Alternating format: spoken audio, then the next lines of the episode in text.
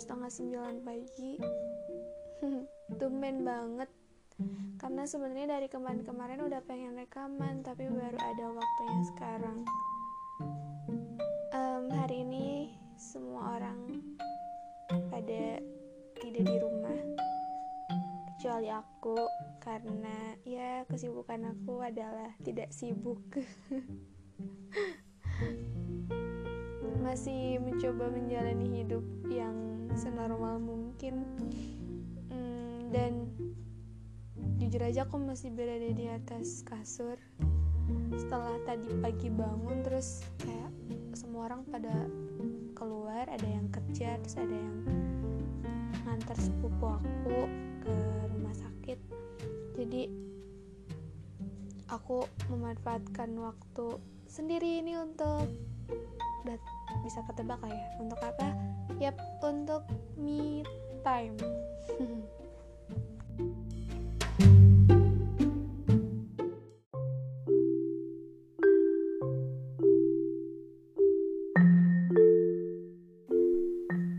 Aku jarang banget punya waktu me time karena kalau aku di kosan aku setiap hari me time kayaknya.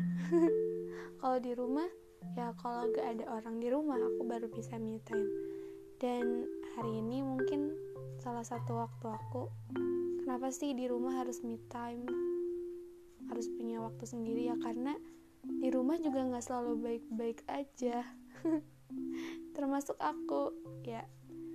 Um, kondisi lingkungan sekitar yang kadang juga bisa membuat kita lelah ya kan apalagi statusnya di sini aku baru selesai kuliah. Masih cari-cari kerjaan juga. Jadi ya nggak ada yang bisa aku lakuin selain jaga rumah bersih-bersih rumah nyiapin makanan bantu-bantu mama bantu-bantu keponakan ngerjain PR ya gitulah. Bukan berarti nggak ada beban ya karena nggak kerja malah kalau nggak kerja itu adalah beban yang lebih berat daripada bekerja. Karena ada orang bilang kayak mungkin kalau kerja stres tapi lebih stres lagi kalau nggak kerja. Itulah yang aku rasakan. Setelah aku rehat dari permasalahan hati sekarang aku lagi nggak bisa rehat tuh soal pikiran overthinkingnya tuh kayak berpindah ke satu kondisi yang lainnya gitu. Ya karena nggak hidup tuh nggak selalu soal hati. Ada soal masa depan betul. Ada soal uh, keluarga dan yang lainnya. Nah ngomongin soal masa depan dan apakah masa depan aku bagaimana? Apakah sudah uh, apa ya tergambarkan atau belum aku Jun masih menjalani itu semua dengan sebisa mungkin. Sebisa mungkin di sini dalam artian ya aku menerima realita maksudnya dulu emang cita-cita aku jadi guru dari kecil. Karena aku suka banget sama anak-anak dan aku juga pernah mengajar anak-anak uh, sekolah waktu aku SMK dan itu suatu hal yang menyenangkan gitu. Sampai aku berpikir waktu itu aku sama sekali nggak dibayar. Untuk masuk ke sekolahnya itu perlu waktu 1 sampai 2 jam. Dan pernah di jalannya itu motor yang mogok. Terus aku uh, bantu temen aku untuk bisa sampai ke tempat. Pokoknya banyak banget drama tapi aku ngerasa seneng banget gitu ketemu mereka. Kayak beban aku tuh hilang. Tapi mungkin karena waktu itu mikirnya seneng-seneng aja meskipun emang capek nggak dibayar juga nggak apa-apa. Tapi kan tanggungan aku tuh masih orang tua gitu. Jadi ya kalau nggak dibayar pun nggak apa-apa gitu. Aku kan masih dapet uang jajan kayak gitu. Tapi sini makin ke sini tuh kayak sensitif banget masalah keuangan. Uh, apalagi aku mikirnya aduh ini wisuda aja itu butuh uang gitu. Entah itu nanti transportnya atau pakaiannya entah nanti di nanti di sana bagaimana dan lain sebagainya. Apalagi aku tinggalnya di luar kota dari kampus aku jadi emang perlu banyak pertimbangan untuk hal itu. Jujur aku sekarang udah malu banget untuk minta uang sama orang tua. Jadi aku kalau dikasih ya bersyukur kalau enggak juga nggak apa-apa gitu. Ya minimal masih bisa makan di rumah dan yang gratis lah intinya gitu. Uh, pasti beberapa orang mengalami hal ini sih termasuk mungkin sebagian teman-teman aku yang mereka juga merasakan hal yang sama dan ya sebenarnya kita diam di rumah pun tidak benar-benar diam ada pikiran kita yang traveling gitu ada beberapa impian yang harus kita batasi mungkin atau ada yang harus dihapuskan karena mungkin gak memenuhi ekspektasi orang tua kita ekspektasi orang lain dan sebagainya Salah satunya itu cita-cita. Aku dari kecil cita-cita menjadi guru, tapi ternyata aku sekarang menjadi sarjana hukum. Bukan berarti nggak bisa ngajar, bisa aja. Bahkan setelah aku lulus uh, sidang skripsi, aku tuh ditawari untuk mengajar sekolah menengah kejuruan, di mana waktu itu aku sekolah. Dan sebenarnya itu jadi perdebatan antara aku dan keluargaku karena apa ya mungkin untuk seorang guru itu hmm, apa ya penghasilannya tidak cukup lebih lah. Sedangkan posisi perekonomian keluarga tuh harusnya bisa lebih membutuhkan lebih dari itu gitu kan. Jadi sebenarnya aku kurang uh, awalnya kurang bisa menerima kenapa sih apa salahnya jadi guru gitu kan. Emang beneran gak salah cuman yang di sini yang uh, apa ya yang harus dimengerti adalah situasi dan kondisi aku di mana sebagai sarjana hukum mungkin mereka menganggap aku bisa mendapat pekerjaan yang lebih dari itu gitu. Nggak ada yang salah jadi guru cuman uh, ya, ekonomi kamu menuntut untuk uh, bisa kerja untuk mendapatkan penghasilan yang lebih baik dari penghasilan menjadi seorang guru. Seperti itu. Jadi waktu itu aku sempat kayak ya udahlah hmm, aku terima aja. Waktu itu mungkin uh, kenapa aku sekarang jadinya sarjana hukum bisa jadi lebih besar aku bisa membantu keluarga aku gitu keluarga besar aku. Nah seperti itulah teman-teman ya uh, sedikit digeser mimpinya untuk tidak menjadi seorang guru tidak apa-apa. Mungkin aku sudah pernah mengalami gimana jadi seorang guru dan ya itu sudah menjadi pengalaman yang sangat-sangat menyenangkan buat aku.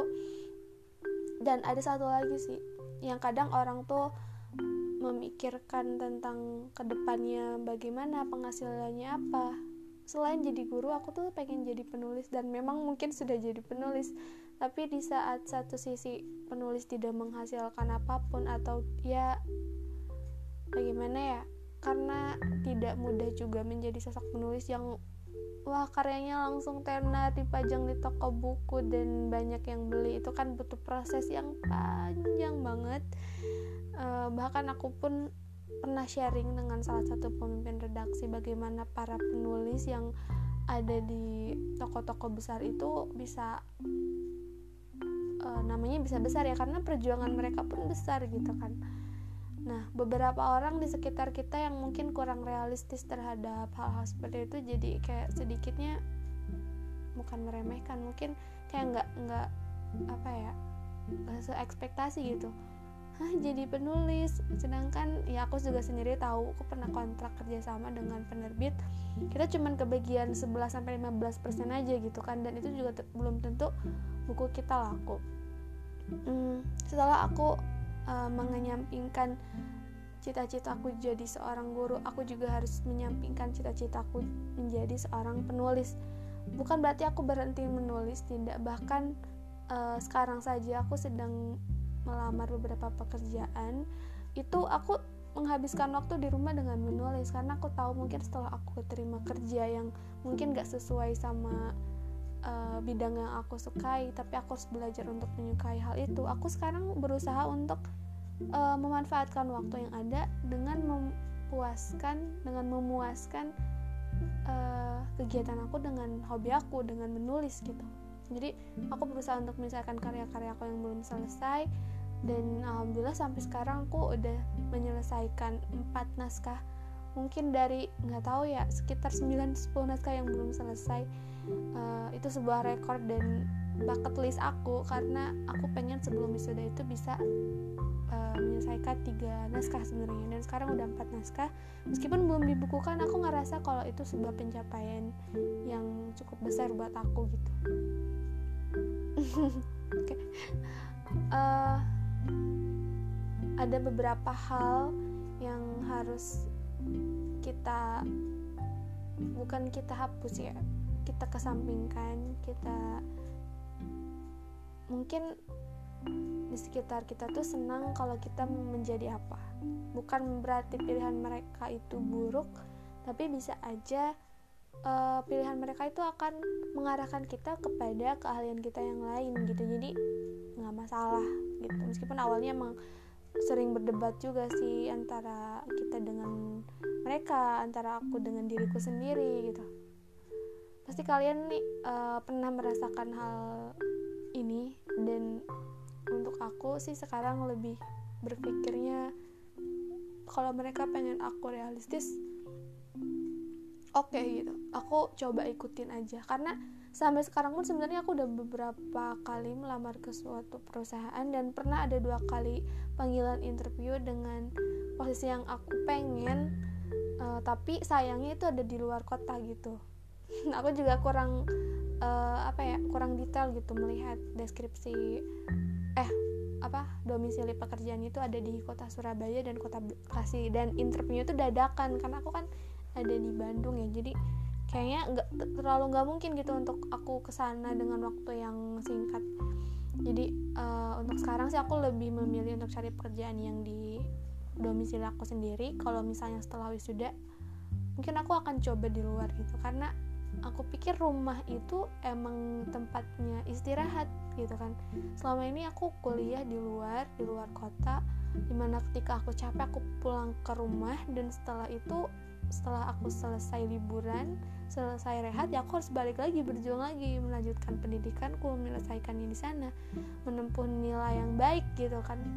Nah begitupun dengan kerja mungkin aku lebih tertarik dan tertantang untuk kelu eh untuk kerja di luar kota. Di mana mungkin di sana bakal ada kehidupan baru lingkungan baru hmm, ya belajar hal-hal baru juga. Yang artinya ketika aku lelah aku pulang ke rumah. Karena rumah itu definisinya untuk tempat istirahat gitu. Jadi ya kita berpetualangnya di luar rumah. Kayak gitu sih. Ya ini episode pertama di pagi hari yang cerah ini. Kalau di sini cerah. Hari ini aku mau beres-beres dulu. Setelah itu mungkin nanti sore aku akan rekaman lagi dan bahas yang lainnya. Masih seputar mid time mungkin ya.